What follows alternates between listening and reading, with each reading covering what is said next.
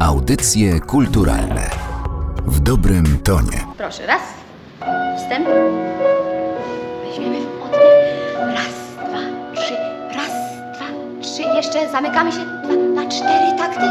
Siedzimy. Raz, dwa, trzy. Siedzimy. Nic nie ma. Śpią kwiaty, śpią kwiaty. A ja sobie sprawdzam. I podnoszą się główki. Raz, dwa, trzy. Proste kęcki. Raz, dwa, trzy. Raz. Obudziły się kwiatuszki. Siedzą. Nie zaciskaj nóżki w pachwinie, swobodnie podnoś nogę. O, zobacz, od razu inaczej noga poszła.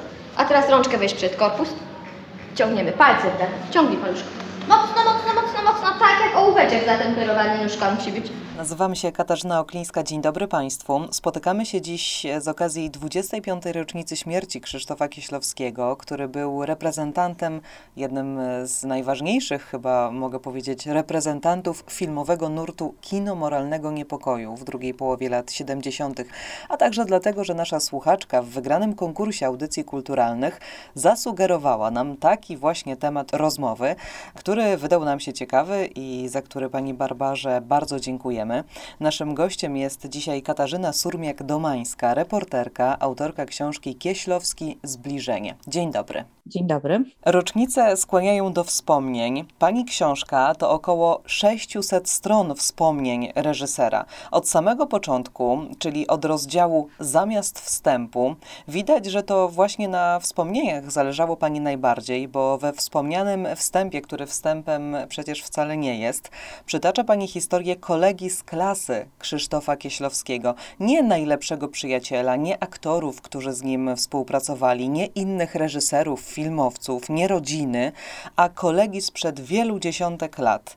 A więc możemy domniemywać, że to, co mówi, jest dość obiektywne i prawdziwe, a przecież znając dorobek Krzysztofa Kieślowskiego, trudno nie wynosić go na piedestał, prawda? No niewątpliwie Krzysztof Kieślowski nie tylko był jednym z najwybitniejszych polskich reżyserów, za takiego jest uważany do dzisiaj, ćwierć wieku już po swojej śmierci, ale też był niewątpliwie tym polskim reżyserem, czy w ogóle artystą, który odniósł absolutnie spektakularną karierę zagraniczną, międzynarodową, taką właściwie nieporównywalną no, z karierami swoich kolegów. Myśli Pani, że to metafizyka w jego filmach powoduje, że nie tylko trzy kolory, czy podwójne życie Weroniki, ale także dekalog, amator, przypadek, czy bez końca są oglądane do dzisiaj? Nie wiem, czy metafizyka. No, metafizyka to jest pojęcie bardzo, bardzo szerokie, bardzo ogólne. Myślę, że trudno dokładnie zdefiniować widzowi, prawda, co, co się pod tym pojęciem kryje. Mnie się wydaje, że jego filmy przede wszystkim niosą jakiś przekaz ponadczasowy. W sensie metafizycznym, który pani poruszyła, jest to pewnie poszukiwanie odpowiedzi na takie pytania, które nurtują ludzi w każdym czasie i na każdej szerokości geograficznej. Mianowicie to są pytania natury moralnej, co jest dobre, a co złe. Kieślowski, zwłaszcza w, powiedzmy w drugim etapie, czy w drugiej połowie swojej działalności, czyli tej bardziej fabularnej, kiedy się właśnie już skoncentrował z różnych powodów na kinie fabularnym dzięki niemu zresztą odniósł taki ogromny sukces. On zaczerpnął pytania z podręcznika moralności Polaka, czyli z Biblii, prawda, z katechizmu, sięgnął po dekalog, ale odpowiedzi szukał na te pytania poza doktryną chrześcijańską. Jego interesowało dobro i zło, ale nie w takim sensie, co jest zgodne właśnie z doktryną, z jakimiś zasadami, których nas uczą w kościele, ale rozumiał dobro jako to, co rzeczywiście człowieka uszlachetnia, uwzniośla, co człowiekowi daje szczęście, a zło rozumiał przede wszystkim jako krzywdę, jako krzywdę, którą, którą wyrządzamy drugiemu człowiekowi, krzywdę, jaką wyrządzamy również sobie, krzywdę rozumianą jako, jako degradację człowieka, jako coś, co, co go niszczy. No to są niewątpliwie tematy, które, które są absolutnie uniwersalne i one będą aktualne zawsze. Ja myślę jeszcze, nie wiem, to jest takie moje osobiste wyznanie, ale ja na przykład w filmach Kieślowskiego cenię bardzo to, że one są takie strasznie osobiste. Reżyserzy w ogóle się dzielą na takich, którzy biorą na warsztat jakiś temat, ponieważ wychodzą z założenia, że o, o tym ludzie chcą oglądać filmy, prawda? To się sprzeda, to się będzie oglądało. O, to są tematy, o których trzeba robić filmy. A Kieślowski tych tematów zawsze szukał w sobie.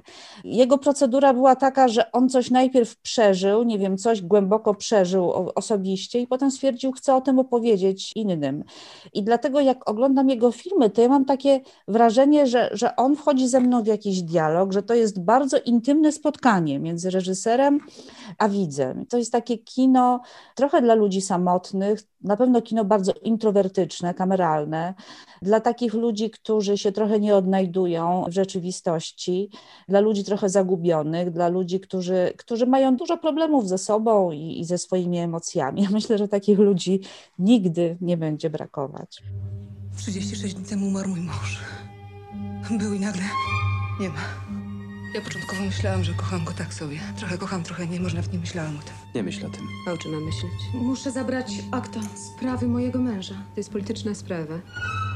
Dużo takich spraw prowadził? Sporo. Kto to weźmie? Ktoś podobny do pani męża. Nie znam nikogo takiego. Postawiła pani starego człowieka przed trudnym wyborem. Takie są czasy, że trzeba wybierać. Proszę pani, jakie są czasy, to ja bardzo dobrze wiem. Jeżeli postanowiło się żyć, trzeba umieć dużo wytrzymać. Wymieniłam tytuły filmów i cykli filmowych fabularnych, ale musimy pamiętać, że Krzysztof Kieślowski wyrósł z kina dokumentalnego i to dokument interesował go najbardziej. Ba, twierdził, że to, co tworzył fabularnie, mogłoby wydarzyć się w rzeczywistości, z tą różnicą, że ingeruje w życie bohaterów, bo są wymyśleni, a postacie grane przez aktorów. Może tak poważne podejście do rzeczywistości, wzięcie za nią odpowiedzialności powoduje, że film filmy są ciągle oglądane.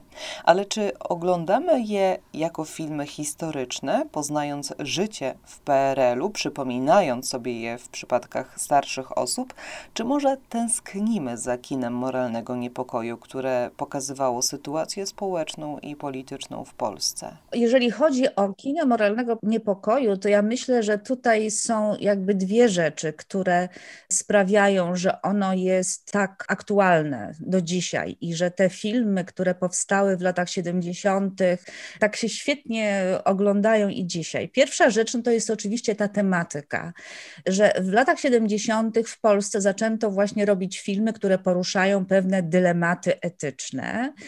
To było oczywiście związane z, z, z sytuacją polityczną w kraju. Jak powiedział mi Henryk Jantos, to był szef Krzysztofa Kieślowskiego i szef redakcji dokumentów Wytwórni Filmów Dokumentalnych, powiedział takie ważne zdanie, że po roku 68 w Polsce znikli prawdziwi komuniści z, z, przekonania, że ci ludzie, którzy należeli jeszcze do partii w latach 70. i utożsamiali się z tym systemem, to, to już na pewno, jeżeli byli przy zdrowych zmysłach i mieli, nie wiem, co najmniej przeciętne IQ, tak naprawdę nie mogli w ten system już wierzyć. Ci prawdziwi ideowi komuniści albo już skręcili, albo wyjechali, albo po prostu zniknęli po okresie rządów E, Gomułki po roku 70.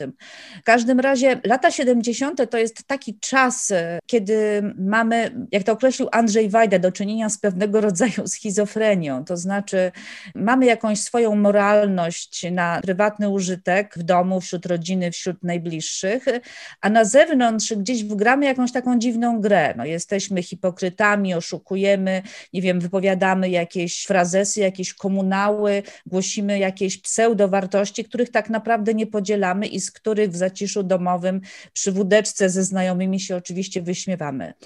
Czyli taki czas trochę cynizmu, oportunizmu, konformizmu, hipokryzji ogromnej.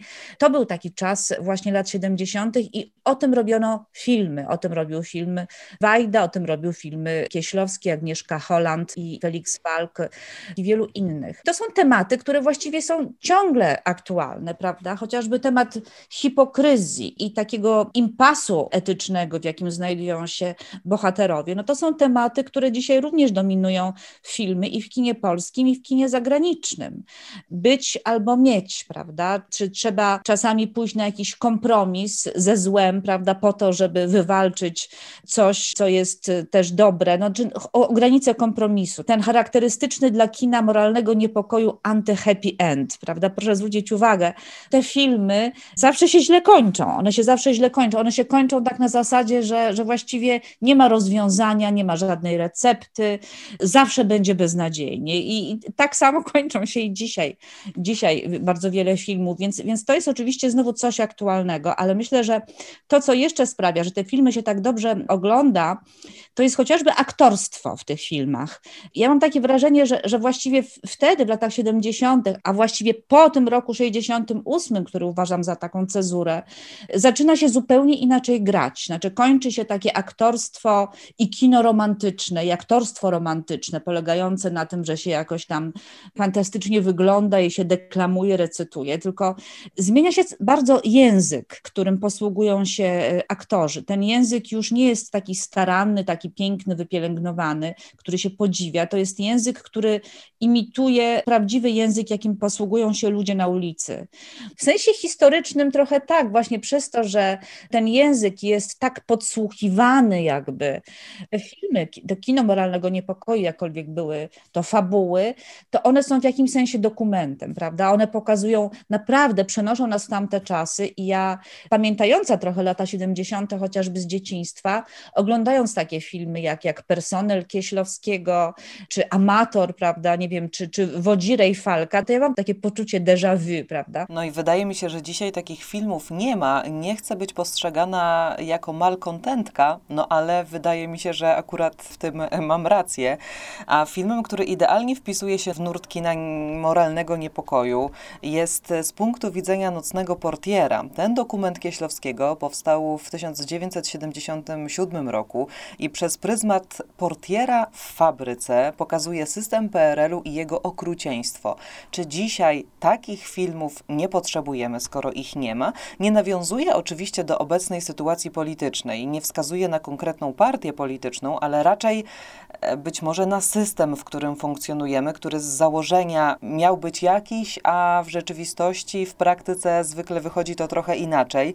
I, i też pytam o, o społeczny odbiór kina we współczesności, bo od lat 70. no trochę się w Polsce zmieniło pod wieloma względami. No cóż, tutaj znowu mamy do czynienia z jakimś takim charakterystycznym i zupełnie uniwersalnym chwytem, to jest posługiwanie się pewną metaforą, prawda? Tak jak w filmie z punktu widzenia nocnego portiera pokazujemy jakiegoś człowieka, który jest strażnikiem, pracuje na ochronie w jakiejś fabryce, a on jakby nam ma reprezentować, nie wiem, całą polską nację, również ze swoim antysemityzmem chociażby i homofobią, ma w jakiś sposób obrazować system polityczny, więc jest jakąś metaforą, będąc sam zresztą tego nieświadomy. Więc oczywiście po takie metafory wydaje mi się, że, że reżyserzy sięgają i sięgać będą zawsze, a zwłaszcza będą sięgać w czasach, kiedy, kiedy rządy no, przyjmują ludzi o zapędach totalitarnych i kiedy jest ograniczona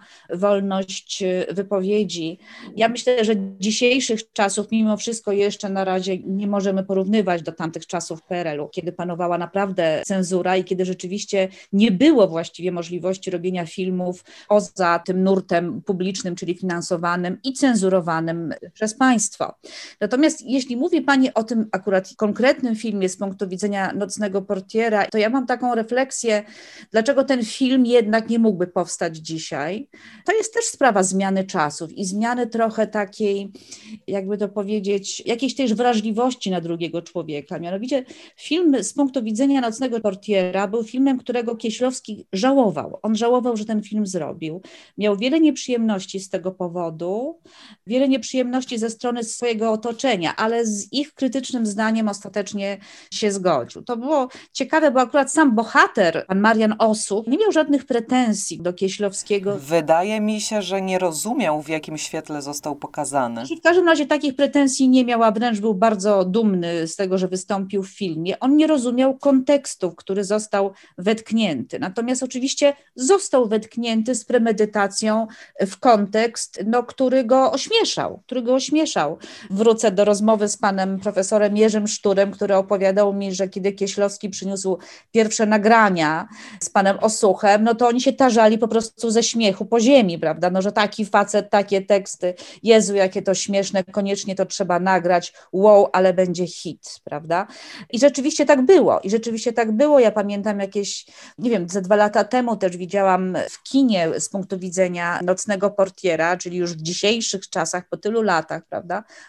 po pół wieku niemal i cała sala rechotała, po prostu rechotała, mm, słuchając tych dziwnych jakichś takich monologowych kwestii pana Osucha, człowieka, który po prostu był człowiekiem bardzo prymitywnym, bardzo prostym, który nie umiał posługiwać się poprawnie językiem polskim, który prawdopodobnie był analfabetą, stąd też uczył się języka w jakiś taki sposób słuchowy czysto, stąd robił takie zabawne powiedzmy dla, dla inteligenta błędy. To wszystko tworzyło jakby w zbitce z jego no, niezbyt ładnym charakterem, taką właśnie mieszankę e, komiczną, prawda, z której można się było rzeczywiście jakoś tak z czystym sumieniem wyśmiewać i, i wyśmiewamy się do dzisiaj, ale dzisiaj już mamy trochę inne kryteria, również takie etyczne, e, które dotyczą zawodu.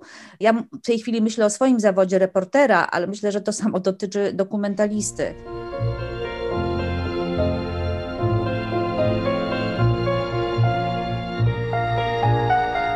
No każdy człowiek ma do czegoś, wie pan, zamiłowanie. No ja mam, proszę pana, zamiłowanie do, do tej kontroli. Mam zamiłowanie kontrolować tych swoich kolegów, tych wędkarzy.